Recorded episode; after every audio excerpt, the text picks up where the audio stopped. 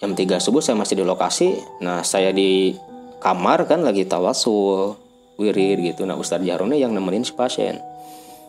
Nah Ustadz Jaroni manggil saya. Iya. ada apa nih? Saya keluar dari kamar. Ada apa? Ini coba cek. Nah ternyata kayak tidur dia kayak tidur. Napas udah nggak ada. Saya cek jantungnya juga udah gak berdetak nadinya juga ada. Allah Akbar mati nih orang. Nah akhirnya kita habis-habisan dah semua pengetahuan kita semua ilmu kita yang kita dapat yang kita ketahui kita keluarin semua. Benar-benar habis-habisan dulu tuh. Habis-habisan perang kita perang aja langsung gitu kan. Sampai dari pihak pelaku itu dukun santet tiga orang mati. Ya akhirnya nurut aja kan kata-kata perintah guru suruh diusapin ke wajah telapak tangan sama telapak tangan kita usapin. Selang 10 menit detak jantungnya balik lagi. Hidup lagi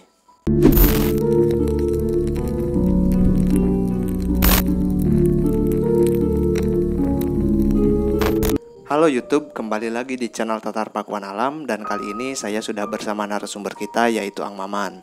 Nah, namun sebelum lanjut, kalian bisa terlebih dahulu tekan tombol like-nya dan jangan lupa kalian juga bisa tekan tombol subscribe dan nyalakan lonceng notifikasinya untuk bisa berlangganan gratis di channel Tatar Pakuan Alam ini. Nah, untuk tidak berlama-lama, mari langsung kita berbincang bersama Kang Maman. Di video kali ini kita khususkan aja nih buat Kang Maman bercerita tentang pengalaman mistisnya atau cerita mistisnya yang dialami sendiri tentang santet itu sendiri. Silahkan Kang. masih banyak cerita pengalaman saya sendiri secara pribadi nanganin hal-hal seperti itu. Nah salah satunya ini agak ekstrim banget. Soalnya si pasiennya tuh sempat meninggal. Sempat meninggal. Sempat ya saya bilang sempat bukan berarti langsung meninggal langsung gak hidup lagi. Ini sempat meninggal. Jadi mungkin kalau istilahnya dalam medis eh, detak nadinya sudah Iya. nggak kerbaca gitu ya. jantung udah berhenti detak nadi udah nggak ada napas juga udah nggak ada kalau secara medis kan mati itu Nah Kang saya makin penasaran nih. Silahkan Kang, langsung aja lah ceritain. Nah ini tahun berapanya saya lupa lagi nih. Tahun berapa saya lupa lagi. Cuman kayak kalau nggak salah sekitaran 2010 ke sini lah kalau nggak salah. Iya. Nah jadi dulu tuh ada orang ke rumah, Mm-mm. Istilahnya ya konsultasi gitu kan masalah penyakit gitu. Jadi namanya tuh Pak Dadang. Nah Dadang ini dia tuh usahanya tuh dagang. Dia pedagang sayuran, punya kios sayuran di pasar. Hmm. Jadi sakitnya ini memang agak nggak normal. Sebenarnya kalau secara dohir memang dia tuh sakit yang kerasanya tuh perut ya. Perut yang kerasanya tuh di seputaran perut. Sakit seperti diiris-iris. Tapi dicek ke medis itu nggak ada penyakit. Sehat-sehat aja, dicek ke medis sehat. Cuman kondisi si perutnya tuh membengkak. Kayak orang hamil 9 bulan. Udah badannya gede, tinggi gede gitu kan. Perutnya membengkak. Udah kayak raksasa aja kalau saya bilang. Perutnya gede banget, kayak orang hamil. Saya cek langsung kan sama dulu tuh sama Ustadz Jahroni ya. Kebetulan kalau dulu kita suka sering-sering sering bareng-bareng kalau ngenanganin hal seperti itu kita bareng-bareng. Nah kita cek ke rumahnya, dilihat, oh ini udah nggak salah, ini udah kerjaan bangsa jin gitu kan. Nah saya tanya nih sama si keluarganya, sama si pasiennya sendiri juga. Jadi eh, periksa ke medis gimana aja kata dokter. Jadi saking penasarannya dia udah ngunjungin dokter spesialis lambung, udah ke RSU juga. Itu nggak ada penyakit. Sampai di tes lab juga nggak ada penyakit. Saking penasarannya dokter, sampai kamera mikro, kamera mikro yang kecil banget tuh, itu dimasukin ke dalam. Buat ngecek penyakit. Iya, soalnya udah di scan, udah di ronsen itu nggak ada apa-apa. Nah masukin kamera mikro ke dalam ternyata memang nggak ada apa-apa di dalamnya tuh normal-normal aja kondisi lambungnya tuh. Mi- Pihak medis juga angkat tangan gitu kan, nggak ngerti penyakitnya apa, dikasih obat apa pun percuma dan memang nggak ada penyakit penyakitnya gitu kan. Sampai udah ke Bandung ke mana-mana dia.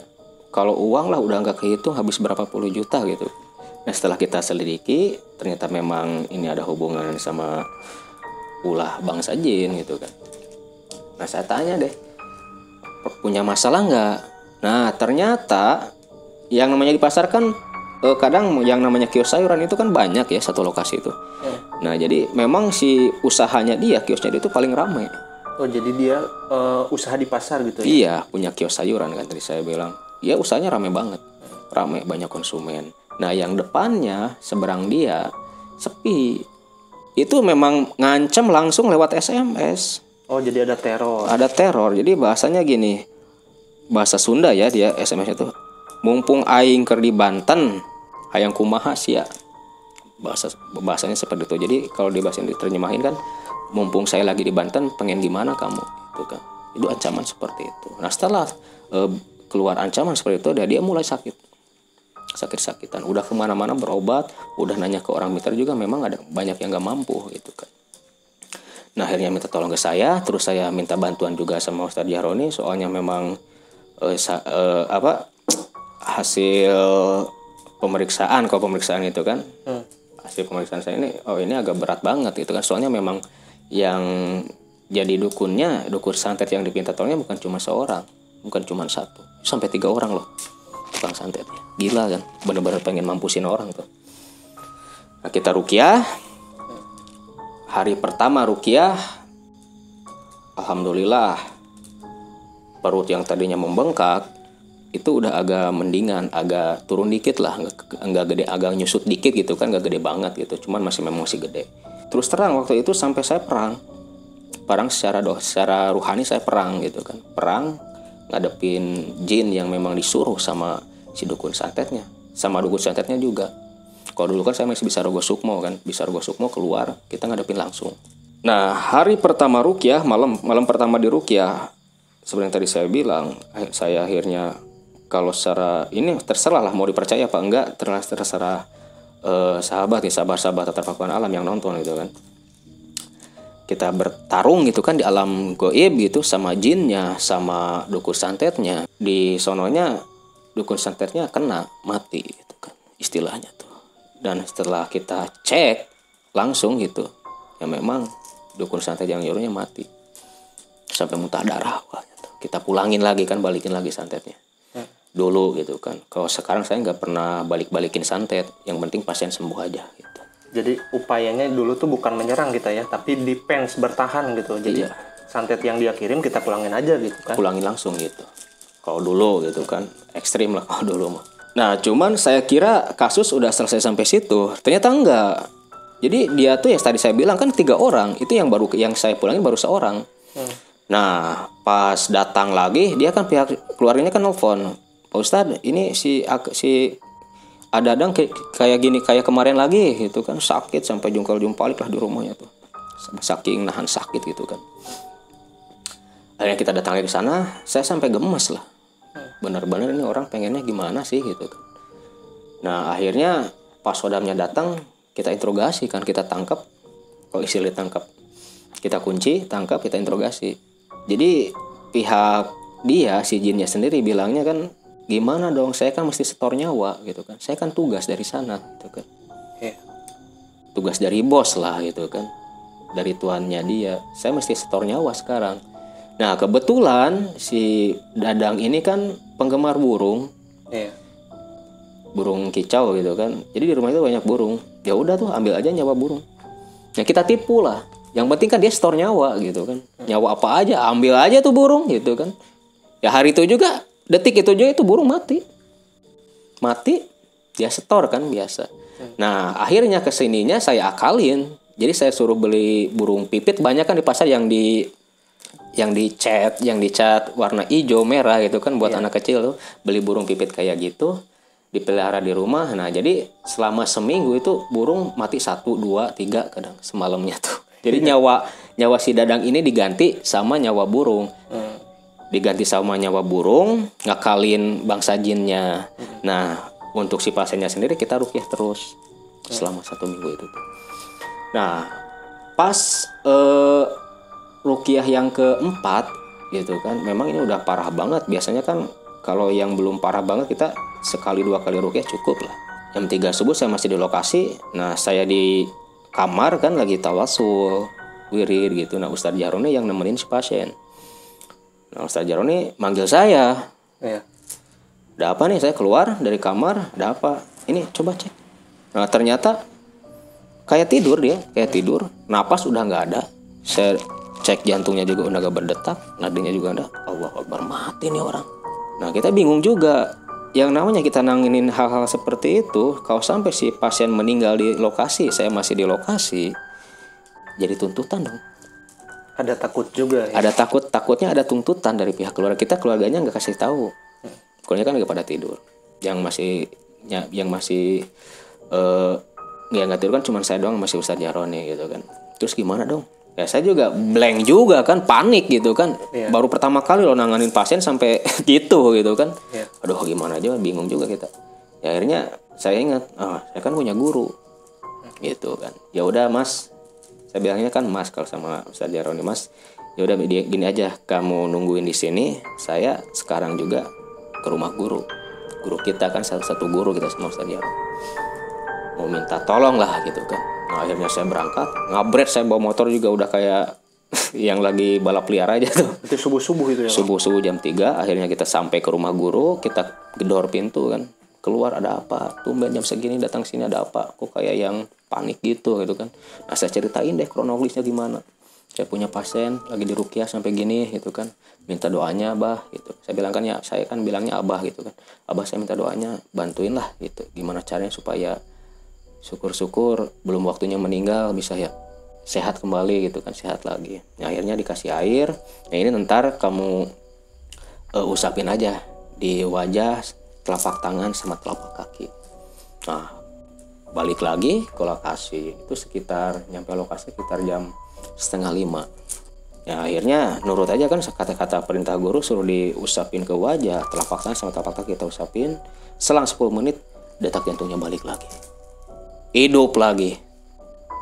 Nah setelah itu itu benar-benar pengalaman ekstrim banget lah kalau menurut saya gitu kan sampai pasien meninggal gitu kan. Alhamdulillah hidup lagi ya ternyata memang belum waktunya meninggal jadi cuma ruhnya baru dibawa.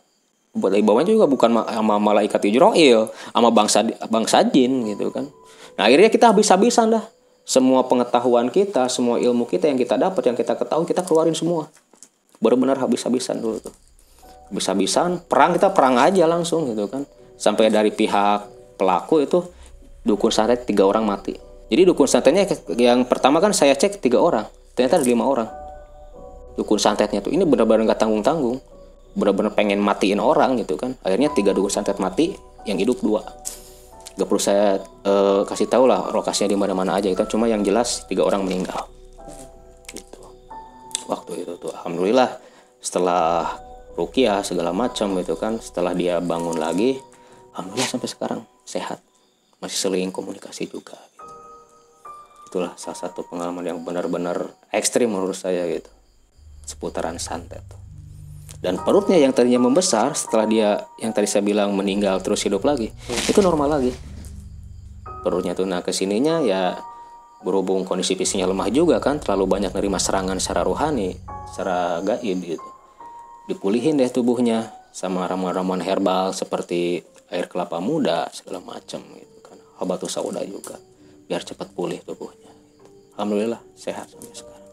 Ya Kang, eh, tadi kan eh, waktu Ang Maman mengobati ya atau merupiah, si pasien ini kan sempat detak jantungnya hilang, sempat kalau kita lihat secara kasat mata mungkin meninggal dunia ya. Iya Nah, Kang Maman ini eh, meminta pertolongan ke guru Kang Maman. Apakah guru Kang Maman ini seorang praktisi supranatural ataupun eh, dia seorang ustadz ataupun seorang eh, apa pengamal pengamal eh, ilmu hikmah seperti itu Kang?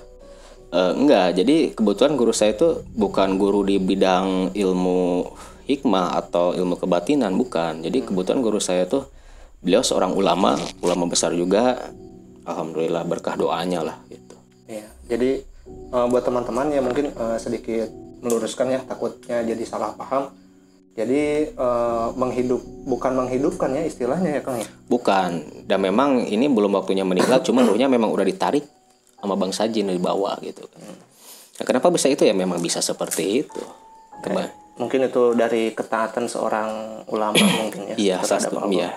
Karena ketaatannya dia kepada Allah Subhanahu wa taala, ya saya, saya tahu sendirilah kesehariannya seperti apa, ibadahnya seperti apa. Soalnya kan saya mendampingi beliau tuh lama hampir tiga tahunan gitu, ini tahu banget. Jadi itu salah satu keajaiban dan karomah dari beliau. Iya, bukan isapan jempol belaka masalah karomah. Memang sifatnya karomah seperti mujizat kan.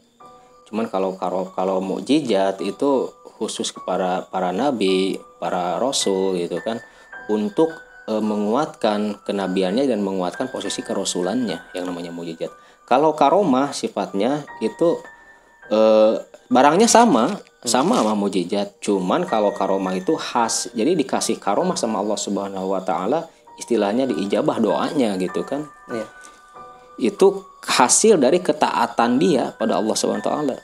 Jadi siapa aja bisa dapat karomah, bisa dapat maunah gitu kan. Iya. Asal kita taat beribadah, melaksanakan perintahnya, menjauhi larangannya, insya Allah. Yang penting kita yakin, insya Allah.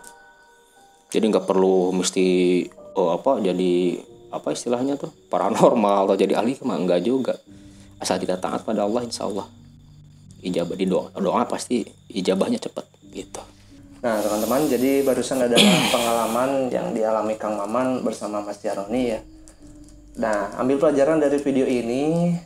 Eh, silahkan kalian juga bisa ambil sisi positif dan kalian juga bisa bercerita di kolom komentar ya. Nanti kita akan bacakan. Nah, kita masih menumpuk nih cerita-cerita dari teman-teman. Kita masih eh, filter satu-satu. Nanti kita akan bacain kok. Jadi teman-teman silahkan kalian bisa tulis ya di kolom komentar. Ya, tinggal tulis aja ntar kita bahas aja bareng-bareng gitu kan dari Ataupun mau bertanya silahkan kalian juga bisa bertanya ya di situ. Nanti kita bahas bareng-bareng. Nah buat teman-teman terima kasih ya yang sudah menonton dari awal hingga akhir. Jangan lupa like, komen, dan juga subscribe. Sampai bertemu di video-video channel Tata Pakuan Alam selanjutnya.